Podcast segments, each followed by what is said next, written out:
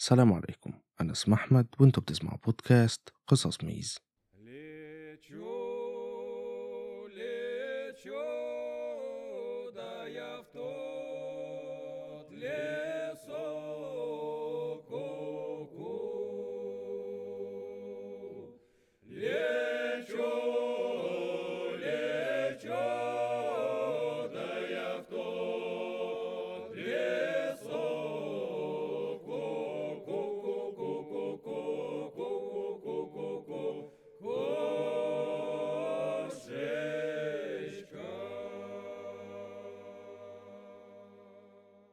أهلا بيكم في الحلقة رقم 12 من الموسم الجديد من قصص ميز. حلقتنا النهاردة فيها أحداث حزينة وبتوري قد إيه إن الناس اللي ما عندهمش ضمير بيستغلوا أي فرصة قدامهم. اسم حلقة النهاردة هو رعب في وسط الماء. ومن غير ما أطول عليكم يلا بينا نبدأ. في سنة 1986 توم هوكس كان عنده 39 سنة وكان عنده ولدين في سن المراهقة. وكان لسه مطلق مراته من فترة قصيرة والولاد كانوا عايشين معاه. توم كان راجل ضخم وعنده عضلات. في السنة دي توم وولاده كانوا في معرض للمشويات في منطقتهم في مدينة نيوبورت بيتش في كاليفورنيا وكان ماشي وسط الناس لما اتعرف على جاكي. وبعد المعرض ده بفترة هما الاتنين اتجوزوا. بعد الجواز جاكي بقت عايشة معاه هو وولاده وبالرغم من إن والدة الأولاد الحقيقية لسه عايشة إلا إنهم بدأوا ينادوها بماما. وده لأن جاكي كانت بتحبهم جدا وكانت معتقداهم زي ولادها. وجزء من الموضوع ده كان بسبب إنها لما كان عندها 22 سنة عملت حادثة رهيبة وده سبب لها إنها ما تقدرش تخلف. فلما جات لها الفرصة إنها تكون مكان والدتهم كانت في قمة سعادتها. وعلى مدار السنين توم وجاكي ربوا الأولاد وفي سنة 2002 كانوا كبروا وفي السنة دي تحديدا الأولاد سابوا البيت عشان يبدأوا حياتهم. الوقت ده كان حزين بالنسبة لتوم وجاكي لأنهم كانوا معتبرين الأولاد كل حياتهم وكانوا قريبين جدا منهم. ولكنهم كانوا عارفين إن اليوم ده هيجي علشان كده على مدار السنين اللي فاتت كانوا بيحوشوا فلوس علشان يقعدوا من شغلهم ويشتروا يخت. ويعيشوا باقي حياتهم فيه وده هو كان حلمهم. في الحقيقة جاكي وتوم ما كانش عندهم أي خبرة في الملاحة وحياة البحر ولكنهم حوشوا المبلغ المناسب وفي نفس السنة اللي الأولاد مشوا فيها هما الاتنين باعوا بيتهم وكملوا الفلوس واشتروا يخت. اليخت كان مستعمل وصغير ولكنهم حبوه وبمجرد ما اشتروه نقلوا كل عفشهم وحاجتهم فيه وجهزوه ونضفوه وجددوا فيه حاجات كتير. وفي الصيف من نفس السنة دي بدأوا يبحروا على طول الساحل من كاليفورنيا للمكسيك. وعلى مدار السنتين اللي بعد كده عاشوا حلمهم. ولكن في سنة 2004 جالهم أخبار مفاجأة. واحد من الأولاد كان هيبقى أب. فالطفل ده هيكون أول حفيد في العيلة. توم وجاكي كانوا متحمسين. وبالرغم من إن توم وجاكي كانوا سعداء في اليخت إلا إنهم قرروا إنهم يبيعوه ويشتروا بيت. عشان يكونوا قريبين من المولود الجديد. وفي شهر نوفمبر من نفس السنة توم وجاكي حطوا إعلان لبيع اليخت وطلبوا مبلغ نص مليون دولار. وبعد فترة قصيرة في زوجين اتصلوا بيهم وطلبوا إنهم يشتروا اليخت منهم. توم وجاكي كانوا فرحانين وكلموا الأولاد وقالوا لهم إن في مشتري لليخت وإن خلال الكام يوم اللي بعد كده هيبيعوا يخت وإنهم هيبقوا يكلموهم. ولكن ده ما حصلش.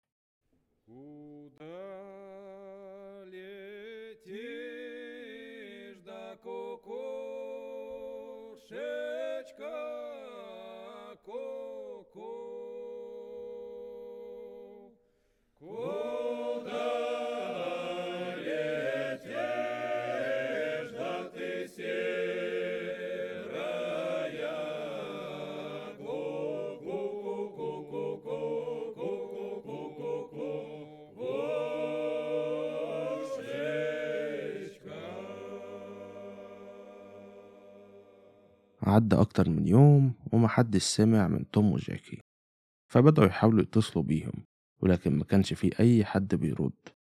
وده كان غريب جدا بالنسبة لتوم وجاكي لأنهم كانوا دايما على تواصل مع أولادهم. ولما أخو توم واللي كان اسمه جيم واللي كان ظابط متقاعد سمع عن اختفائهم قرر إنه يروح المرسى اللي بيبقوا فيه عشان يشوفهم. وفعلا ركب عربيته وراح لمدينة نيوبورت بيتش عشان يطمن عليهم. جيم خد معاه واحد من أصحابه ولما راحوا للمرسى لقوا اليخت موجود هناك ولكن كان باين إن مفيش أي حد عليه ولكن جيم لاحظ كذا حاجة غريبة. مجموعة من الحبال مرمية على الأرض واللي المفروض تكون جوه اليخت ودي حاجة غريبة لأن المعروف إن توم منظم جدا ومش هيسيب حاجة زي كده. ولاحظ مجموعة من المناشف مرمية في كل حتة. استنتاج جيم كان إن أكيد الصفقة انتهت. وإن الملاك الجدد هما اللي عملوا كده. جيم طلع الكارت بتاعه وكتب على ظهره إن عايز يتواصل مع الملاك الجدد عشان اختفاء أخوه ومراته وحط الكارت على اليخت وبدأ هو وصاحبه يمشوا.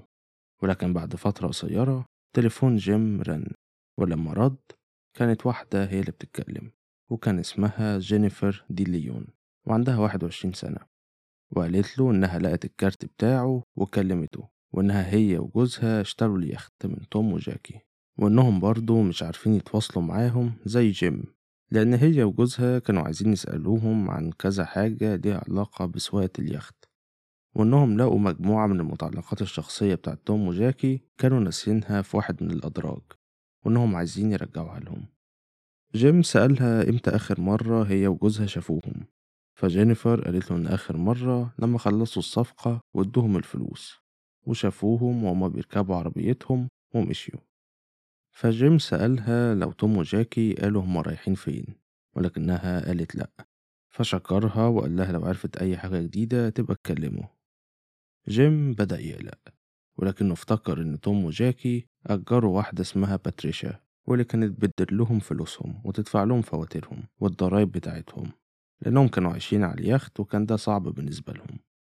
جيم جاب رقمها وكلمها وسألها لو هي تواصلت مع توم وجاكي في الفترة الأخيرة ولكنها قالت لأ. جيم قال لها عن الموضوع وإنهم اختفوا وسألها لو هم حطوا مبلغ كبير في حسابهم في الفترة الأخيرة. باتريشا دورت في الحسابات وقالت له لأ. وده اللي خلى جيم وباتريشا يكونوا مستغربين. ليه توم وجاكي ممكن يختفوا بالشكل ده؟ وليه ما حطوش المبلغ الكبير ده في حسابهم؟ جيم قفل مع باتريشا وكان حاسس إن في حاجة غلط. علشان كده اتصل بمركز الشرطة وعمل بلاغ رسمي عن اختفاء توم وجاكي. أول حاجة الشرطة عملتها إنهم بدأوا يدوروا في سجلات الملاك الجدد لليخت. ولما شافوا سجلات الزوج واللي كان اسمه سكايلر وعنده 25 سنة اكتشفوا إن ليه سوابق. وإنه اتقبض عليه قبل كده بتهمة سرقة تحت تهديد السلاح وإنه قضى فترة في السجن. وبشكل طبيعي الشرطة بدأت تشك في سكايلر ومراته. وبعتوا واحد من المحققين للمرسى بتاع السفن عشان يحاول يكتشف أي حاجة جديدة ويشوف لو في أي حاجة غريبة في المكان. وفعلا المحقق راح عند اليخت ولاحظ إن مفيش حد هناك. ولكنه هو بيحاول يبص على واحدة من الشبابيك بتاعة اليخت لاحظ إن في حاجة شبه بصمة إيد دموية. وده كان كافي للشرطة إن هم يطلعوا مذاكرة تفتيش بسرعة. وفي نهاية اليوم كانت الشرطة في كل مكان عند اليخت وبيدوروا فيه.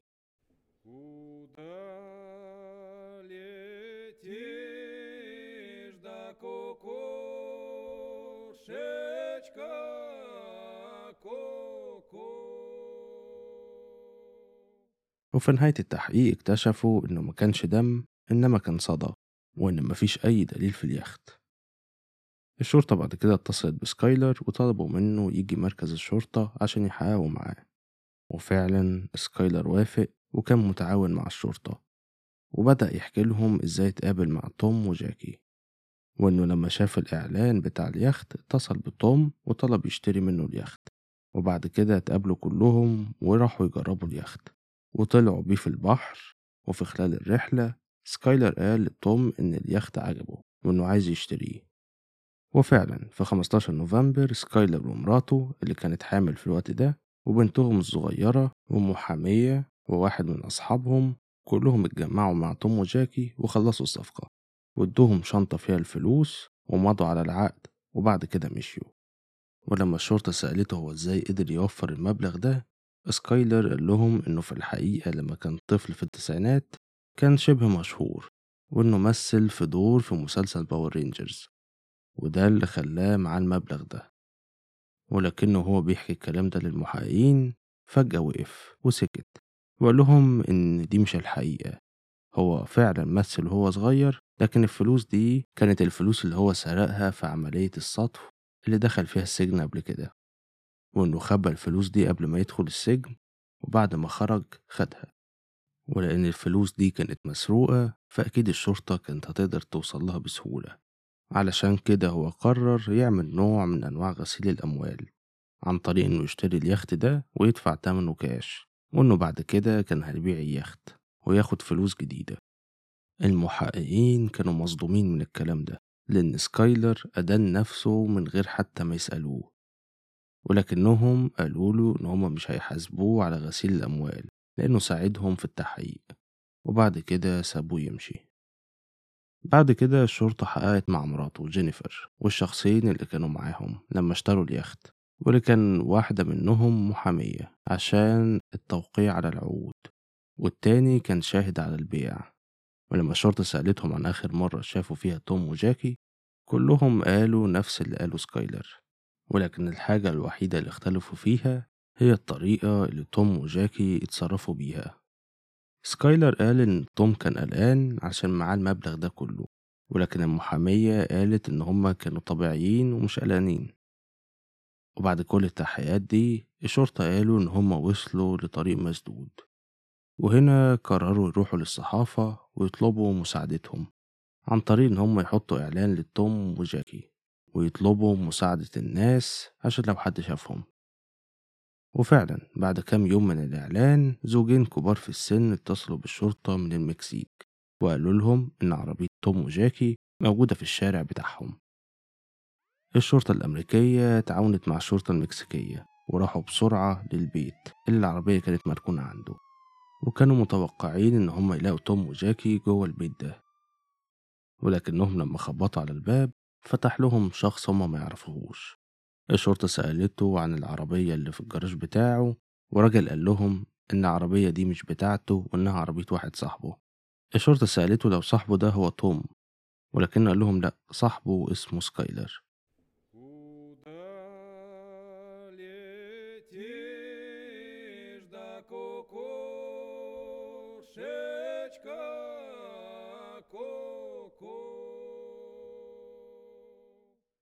وهنا الشرطة عرفت إن سكايلر كان بيضحك عليهم. الشرطة استخدمت اعتراف سكايلر بغسيل الأموال عشان يقبضوا عليه وبدأوا يحققوا معاه. في نفس الوقت اقتحموا بيته وفتشوا فيه. وجوه البيت لقوا كمية متعلقات كتير لتوم وجاكي. ولكن بالرغم من كل الأدلة دي واللي بتربط سكايلر باختفاء توم وجاكي إلا إنه فضل يقول إن هو بريء وإن ده كله سوء تفاهم. حتى مراته كانت بتقول نفس الحاجة وإنه بريء. وبدأت تطلع في الصحافة وتقول إن جوزها بريء وإن كل ده سوء تفاهم وإن هما كمان قلقانين على توم وجاكي. ولكن الشرطة طبعا ما كانوش مصدقين الكلام ده.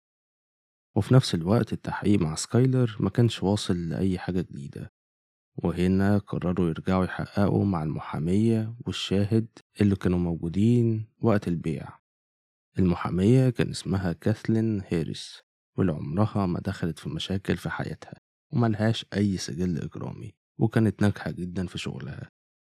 الشرطة طلبت منها إنها تعيد كلامها عن آخر مرة شافت فيها توم وجاكي وقالت نفس الموضوع ولكن بعد تحقيق شديد معاها كاثلين انهارت وقالت إنها عمرها أصلا ما قابلت توم وجاكي في حياتها وإنها دفع لها فلوس كاش من سكايلر عشان تغير التواريخ في العقود واللي كان عليها إمضة توم وجاكي أساسا.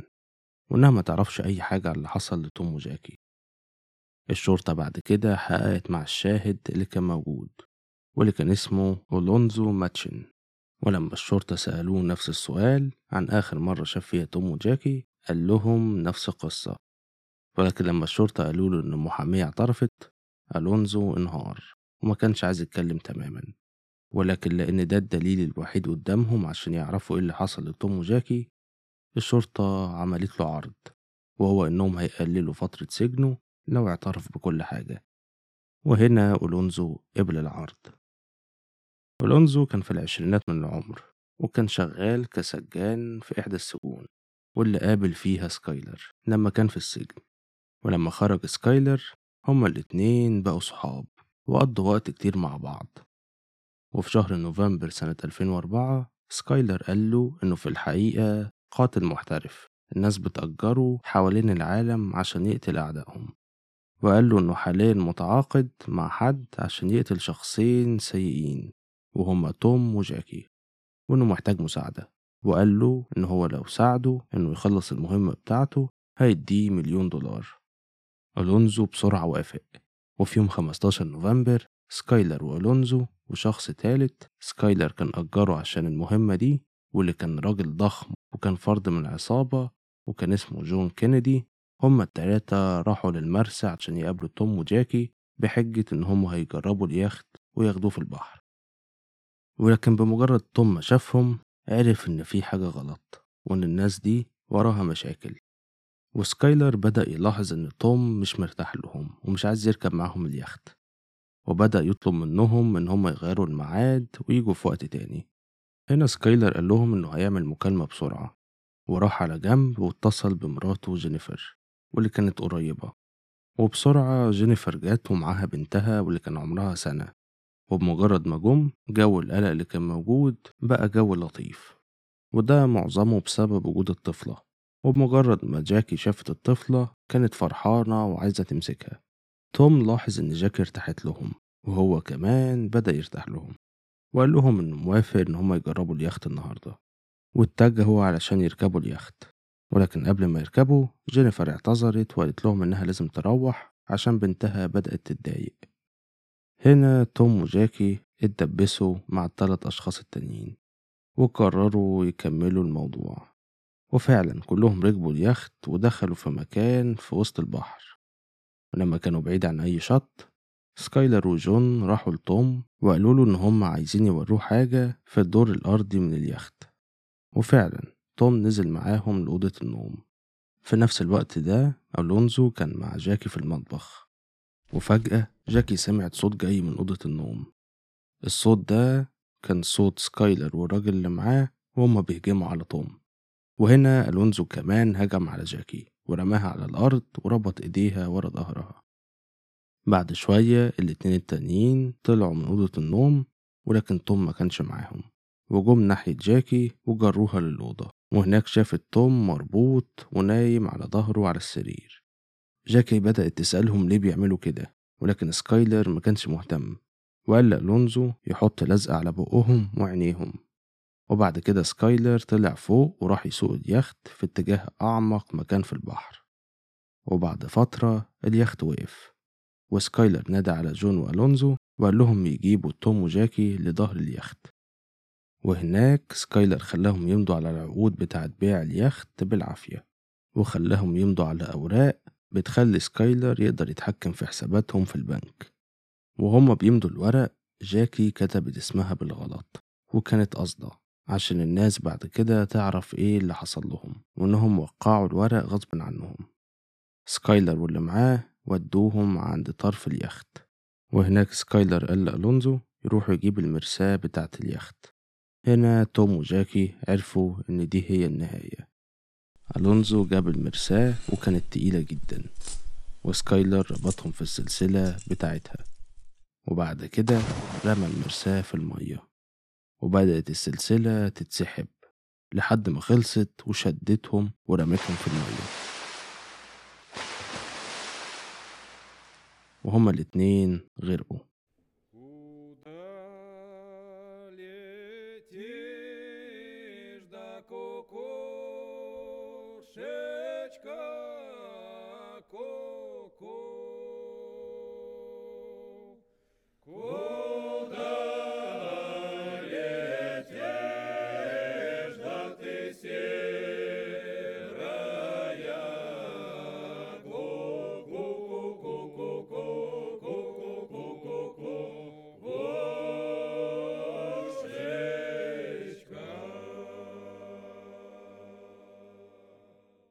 ألونزو قال للشرطة إن بمجرد ما توم وجاكي وقعوا في المية سكايلر بدأ يصرخ في فرح وفضل يضحك. بعد كده ساق اليخت ورجعوا للمرسى. وبالرغم من إن جينيفر ما كانتش على اليخت معاهم إلا إنها كانت مجرمة زيهم بالظبط وكان ليها دور في اللي حصل لهم.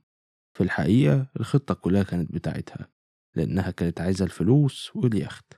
ولما سكايلر كلمها كانت عارفة كل حاجة. وقصدت تجيب بنتها معاهم عشان تهدي الجو مع توم وجاكي وتقنعهم إن هما يركبوا اليخت مع التلاتة التانيين وكانت عارفة اللي هيحصل لهم. وفي خلال الجريمة سكايلر كان بيكلمها كل شوية على الموبايل عشان يطمنها ويقول لها إن كل حاجة ماشية تمام. ألونزو اتحكم عليه بعشرين سنة في السجن. أما بالنسبة لجينيفر فتم الحكم عليها بالسجن المؤبد وجون كينيدي وسكايلر اتحكم عليهم بالإعدام. ولحد اليوم ده محدش وصل لجثث توم وجاكي.